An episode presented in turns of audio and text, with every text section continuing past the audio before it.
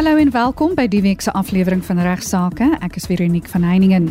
Ignas Kleinsmid bespreek vandag 'n saak wat verband hou met 'n paartjie wat in 'n egskeiding geding betrokke is en die manne versoek by die hof ingedien het vir 'n verbeurverklaringsbevel. Hy praat ook later oor mense wat bates vir mekaar wegsteek en die gevolge daarvan. Ons weet almal dat truste maatskappye en beslote koöperasies word baie gereeld as instrumente gebruik vir boerbeplanning op die oomblik soos ons weet is BKs is vervang deur die deur maatskappye, maar daardeur word verskillende bates en verskillende entiteite geplaas. Moet daar maksimum beskerming en belastingvoordeel gebied. My spesialis gas prokureur en aktevervaardiger Claudia Noble Aref van die regsfirma Ntuli Noble Inc in Johannesburg praat oor die akte besorgingsproses.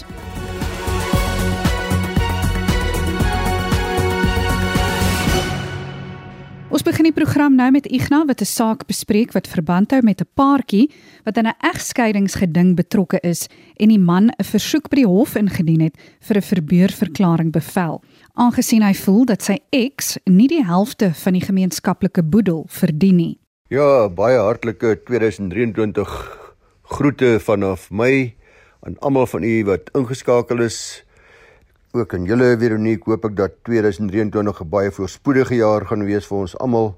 En op my ouderdom is die belangrikste dink ek wens vir die nuwe jaar wat ek ook vir julle almal toewens is goeie goeie gesondheid. Nou ons weet dat elke nuwe jaar het sy eie uitdagings en natuurlik ook versoekings. Nou ek gaan nou vir julle vertel van 'n getroude vrou wie se vleeslike versoekings vir haar baie duur te staan gekos het. Soos wat dit maar uh, hoort seker en dikwels gaan met 'n ontroue huweliksmaat want gedurende September 2022 het die Hooggeregshof hier in Pretoria streng opgetree en uh hierdie vrou wat deel was van 'n egskeringsgeding uh kom ons maar sê op haar vingers getik.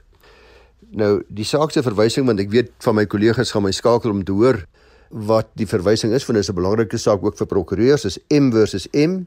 Die saaknommer is 13966 van 2020 Uitspraak is gelewer op 21 September 2022 in Pretoria en die hofverslag is 2022 ZAGPPHC 713. In hierdie saak was die man en die vrou vanaf 2009 getroud binne gemeenskap van goedere en sy het die egskeringsaksie begin net die hof versoek om haar te gee wat haar betref wettiglik toegekom het, naamlik haar 50% van die gemeenskaplike boedel wat so so insluit die man se pensioenfonds, huis ensovoorts. Die man was uh eensgesind, hy het saamgestem dat die huwelik onherstelbaar verbrokkel het, maar hy het gesê hy sien nie kans of haar 50% te gee nie want hy het by die hof gepleit om uh, nie vir haar 50% van die boedel te gee nie want hy sê sy verdien dit nie en hy het versoek dat die hof 'n verbeurverklaring bevel moes toestaan wat sê sy is nie daarop geregtig nie net om ons almal te herinner daaraan dat 'n verbeurverklaring bevel is waar die hof bevel gee wat bevestig dat die een gade hulle eis of hulle voordele wat hulle sou kry normaalweg vanuit die egskeiding in hierdie geval op grond van die huwelik binne gemeenskap van goed 50% moet verbeur aangesien die party onregverdiglik bevoordeel sal word indien hy of sy nie die voordeel verbeur nie. En die hooffaktore wat die hof in ag neem alvorens die hof so besluit neem is heel wat ek kan dit nie almal vir u opnoem nie maar onder andere belangrike aspekte wat in ag geneem word deur die hof om dit te bepaal is hoe lank die huwelik geduur het omstandighede wat aanleiding gegee het tot die verbrokkeling van die huwelik wesenlike wangedrag aan die kant van een van die partye is baie belangrik. En anders as by gewone egskeiding sal die skuldelement hier wel 'n rol speel by die oorweging van verbeursverklaring eise. Ek het al jare terug ek kan nie onthou presies wanneer jy met u 'n saak bespreek waar die jong dame van 'n dink sê nommer 28 getrou het met 'n persoon van 68 baie welvarend en hy het haar na 'n paar maande van die huwelik, dink 3 of 4 maande, het haar betrap op heterdaad waar sy ontrou was met haar tennisafrigter. Getroud gewees binne gemeenskap van goed, daar het die hof gesê as jy kry nie 'n sent nie en daar is 'n verbeurverklaringsbevel gemaak as gevolg van die lengte van die huwelik en haar wesenlike wangedrag. In hierdie saak het die man sy verbeurverklaring gebaseer op die feit dat die vrou onregverdiglik bevoordeel sou word as sy ook 50% van sy pensioen en die huis ontvang. Want het hy gesê sy het verskeie buiteegtelike verhoudinge gehad. Ten spyte van haar verhoudings was daar gereeld mans wat haar vroeg in die oggend by die huis kom oplaai het en as hy dan vir haar vra waarheen gaan sy nou het sy altyd baie onbevredigende antwoorde gekry, soos byvoorbeeld dit het niks met jou te doen nie. Sy het gereeld die huis verlaat en dan vir lang tye glad nie huis toe gekom nie, het nie geweet waar sy is nie. Ook die kinders het nie geweet waar sy was nie en daar was gedurende 1 jaar wat sy die hele jaar lank weg was. Sy het slegs daardie jaar 3 keer huis toe gekom en uh, toe sy terugkeer, het sy teruggekeer met 'n raai wat, 'n babietjie. Gedurende die bestaan uh, van die huwelik het sy nooit bygedra tot die huishouding nie. Sy het nie gehelp om die kinders groot te maak nie by weer hy, sy het ook nie haar man ondersteun wat sy eie aktiwiteite soos sy werksituasie ensovoorts betref nie. Nou na albei hierdie partye getuig het die man en die vrou het die hof gevind dat na al haar swak gedrag en uh, die versuim waarvan haar man gepraat het dat onder andere die versuim om haar gesin te ondersteun insluit, sy beslis onregverdiglik bevoordeel sal word as sy 50% van die man se pensioen en 50% van die huis kry en hierdie dametjie het heeltemal dink ek soos wat dit hoort met leë hande uit die egskeiding uitgestap ten spyte van die feit dat hulle getroud was binne gemeenskap van goedere. Ek dink dis die soort van saak wat my billikheidsgevoel bevredig. Indien jy bates vir jou eggenoot wegsteek, moet jy nou luister want Ignas praat nou oor die gevolge daarvan. Terwyl ek nou hierdie nuwe jaar begin deur ons almal te waarsku om uh, veral mense te waarsku wat stout is in hulle huwelike. Kom ons praat sommer ook wat gebeur as ek bates wegsteek? En dan by die egskeiding word daar beweer dat ek nie oop kaarte gespeel het nie. Nou ons weet almal dat trusts en maatskappye en beslote koöperasies word baie gereeld as instrumente gebruik vir boedelbeplanning.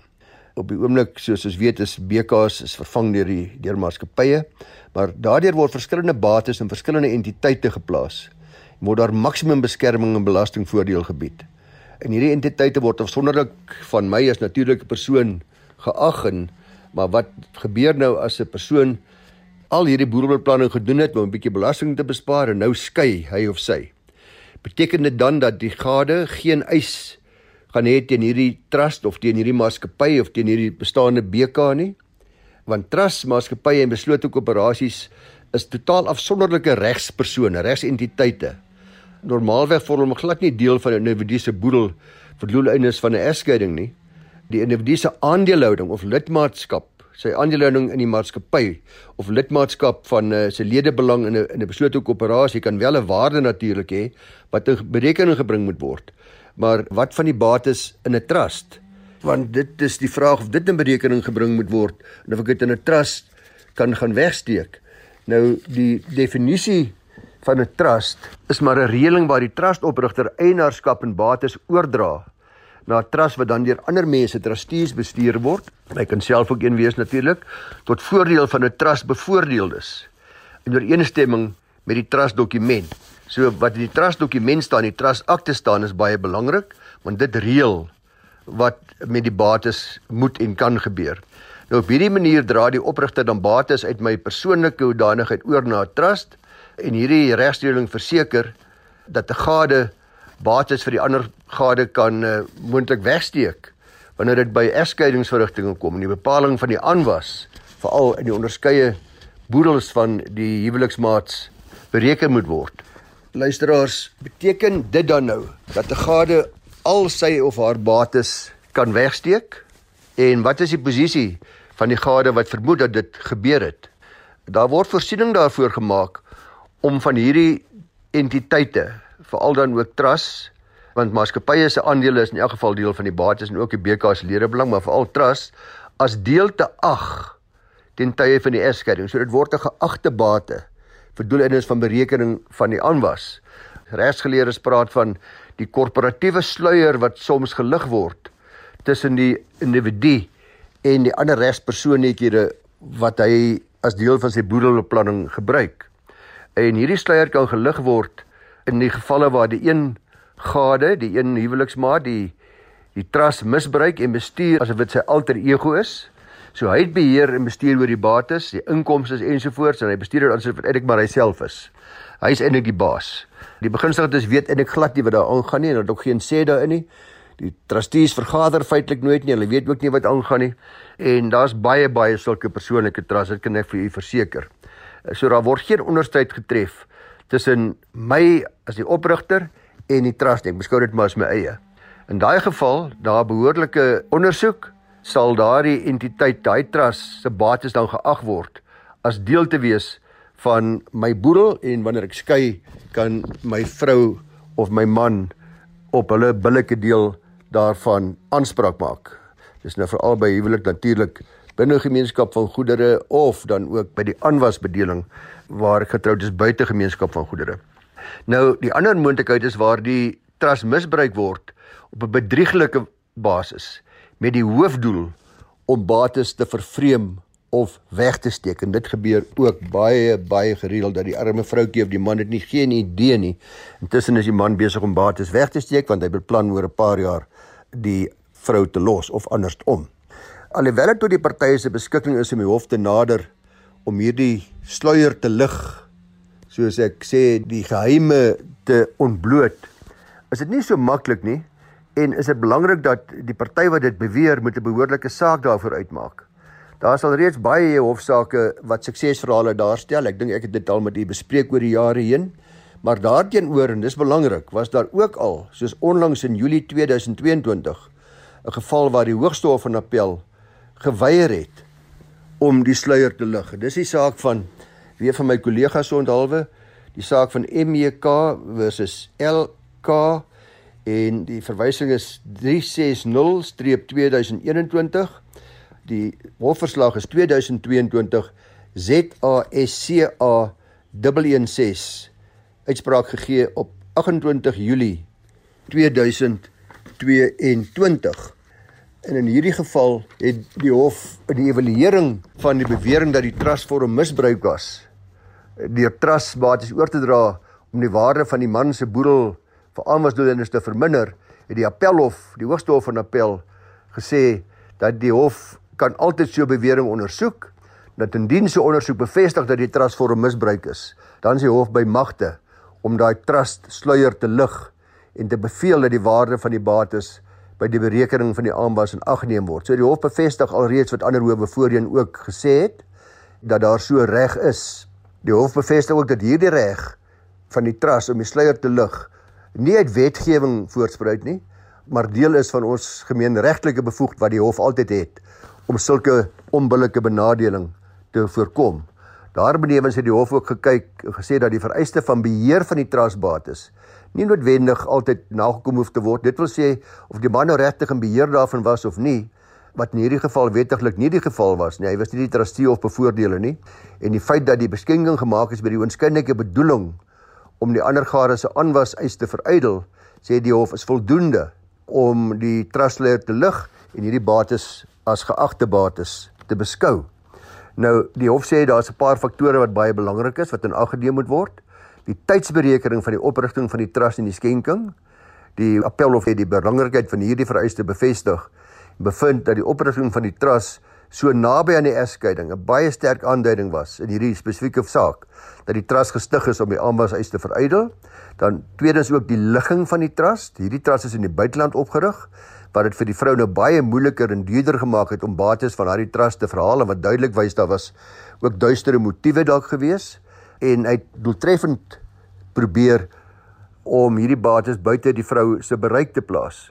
Die ander ding wat ook plaasvind, daar's geen vooraf konsultasie nie. Aangesien die party geskiedenis van konsultasie oor groot finansiële aangeleenthede gehad het en aangesien die trust daar blyklik vir die onderhoud van hulle minderjarige kind opgerig is, sê die hof as daar nie daaroor gepraat word met almal niemand daarvan weet nie. Dan blyk dit dan gee dit ook so 'n bietjie van 'n aanskyn van moontlike bedrieglike optrede moontlike doelbewuste optrede. En 'n ander aspek is ook is daar geen onmiddellike behoefte aan 'n trust is nie en die man het voorgegee om die trust vir die onderhoud van sy minderjarige kind te skep. En hierdie argument is verwar deur die feit dat hy in elk geval verantwoordelik is vir die onderhoud van sy kind. So ja die hof kyk na al hierdie faktore Nou in hierdie spesifieke saak was daar ander feite. Die man het suksesvol bewys dat hy in hierdie geval hierdie saak van MEK versus LK nie probeer het om sy bates weg te steek nie.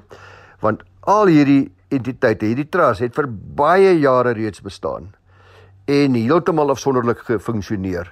Die man kon ook bewys dat sy vrou in hierdie geval in haar oordadigheid as trustee al die jare betrokke was by die besluitnemingsprosesse van hierdie afsonderlike entiteit, hierdie trust En daarom kan sy nie nou beweer dat hy dit as sy alter ego bestuur het nie. Hy het haar van alles vertel, sy het geweet hoekom die trust daar is en hof het besluit in sulke omstandighede is daai vereistes wat jy nou vir u genoem het nie teenwoordig nie om die sluier te lig nie en kan die bates van 'n trust nie deel vorm van die man se boedel vir doeleinde van berekening van aanwas verdeling by die egskeiding nie.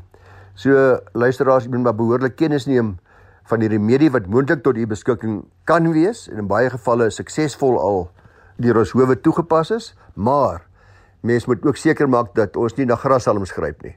In hierdie geval moes die vrou al die onnodige kostes betaal, dit 'n kostebevel gewees.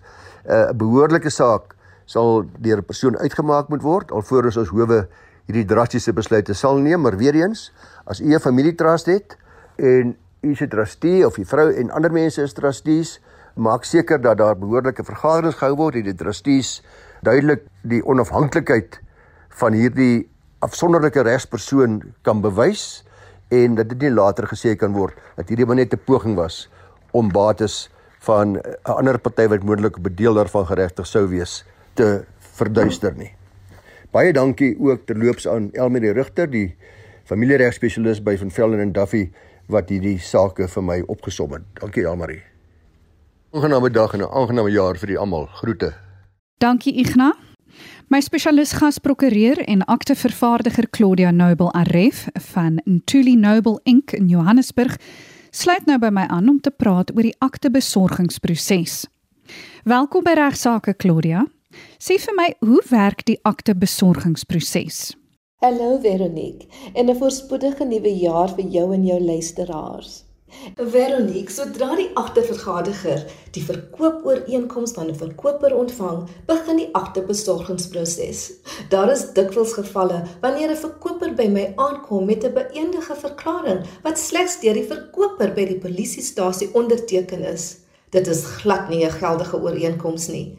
Dit is dus noodsaaklik vir kopers om te weet dat wanneer hulle 'n huis koop, moet hulle 'n skriftelike ooreenkoms nakom wat deur beide die verkoper en koper geteken is. 'n Geldige kontrak bied beskerming vir die partye. Om 'n skriftelike kontrak in plek te hê, verseker dat elke party verstaan wat van hulle verwag word en verminder die kans van misverstande verder op die pad. Die ooreenkoms moet ten minste 'n beskrywing van die verkoper en die koper bevat, 'n beskrywing van die eiendom wat verkoop word, asook die koopprys. Dit staan bekend as die noodsaaklike bepaling van die ooreenkoms. Sodra die verkoper die aanbod van 'n koper aanvaar en die ooreenkoms teken, word die aanbod tot koop 'n bindende verkoopsooreenkoms onderhewig daaraan dat al die opskortende voorwaardes in die ooreenkoms nagekom word. Goed. En wat is opgeskortende voorwaarde? 'n Opskortende voorwaarde is 'n voorwaarde wat die regte en verpligtinge opskort of anders gestel, die inwerkingstreding van die hele ooreenkoms totdat 'n sekere toekomstige gebeurtenis plaasvind. Algemene voorbeelde is 'n voorwaarde wat vereis dat die koper binne 'n bepaalde tydperk goedkeuring van 'n banklening moet verkry om die huis te betaal of 'n voorwaarde wat bepaal dat die koper eers die huis waarin hy tans bly verkoop. Sodra die koper sy huidige huis verkoop of sy lening waarna verwys word as 'n verband deur die bank goedgekeur is, word die opskortende voorwaarde vervul en die kontrak word beidend tussen die partye. Nou, is die ooreenkoms die enigste dokument wat geteken moet word? Nee, Veronique, daar is nog oordragdokumente wat deur die verkoper geteken moet word. Hierdie dokumente kan slegs voorberei word deur 'n prokureur wat 'n agtervergaderiger is, ook na verwys as 'n oordragprokureur. Die oordragprokureur word vereis om die volle name, identiteitsnommer en huwelikstatus van die koper en die verkoper in die dokumente bekend te maak afskrifte van die identiteitsdokumente, huweliksertifikate en enige huweliksvoorwaarde kontrakte moet dus van die partye verkry word. Ek het onlangs kopers teëgekom wat geweier het om afskrifte van hulle identiteitsdokumente te verskaf, maar dit is noodsaaklik vir oordragprokureurs om die dokumente voor te berei en te verseker dat die inligting daarop korrek is. 'n Mens hoef nie bang te wees om hul persoonlike dokumentasie aan prokureurs te verskaf wanneer hulle 'n eiendom koop nie. In die geval waar die koper vir 'n lening aansoek gedoen het om vir 'n eiendom te betaal, moet verbanddokumente boonop nog deur die koper geteken word.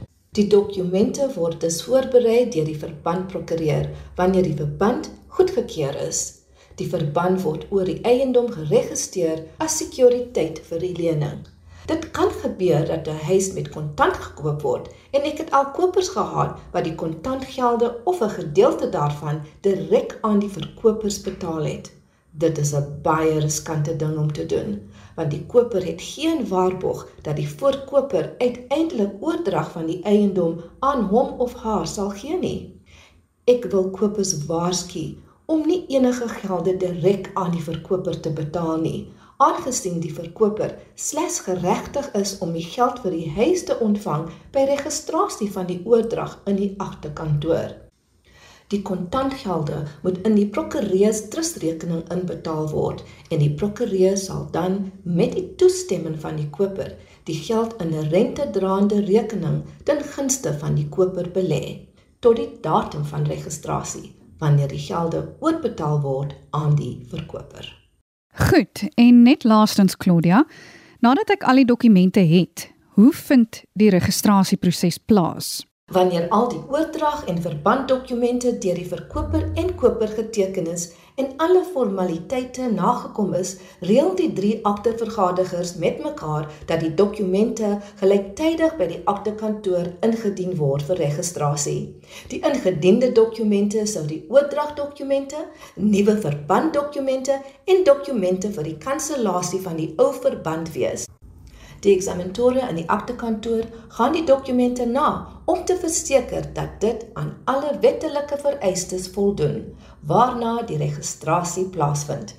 Die Suid-Afrikaanse agterregistrasiestelsel is een van die beste ter wêreld om die voortbestaan van ons uitstekende stelsel van registrasie te verseker en om die regte van die publiek te beskerm, maak die wet voorsiening dat slegs gekwalifiseerde aktervergadigers wat die nodige kennis, waardigheid en aandag aan detail het, mag omsien na die oordrag van 'n eiendom en verwante transaksies. Wanneer al die kontrole gedoen is en al die prosedures deur die aktevergadiger gevolg is, kan die nuwe eienaar verseker wees dat sy of haar titel op die eiendom nie betwis kan word nie. Nogmaals dankie vir die geleentheid Veronique en geniet jou dag verder. Totsiens. Dit is ongelukkig tyd om af te sluit. Ek bedank graag vir prokureur en aktevervaardiger Claudia Noble Aref van Ntuli Noble Inc in Johannesburg vir haar deelname in vandag se program. En dan natuurlik vir Ignas Kleinsmid van van Velden Duffy Prokureurs in Rustenburg. Vir enige navrae stuur gerus 'n e-pos na my toe by vero@rsg.co.za. Van my Veronique van Heiningen groete tot volgende week.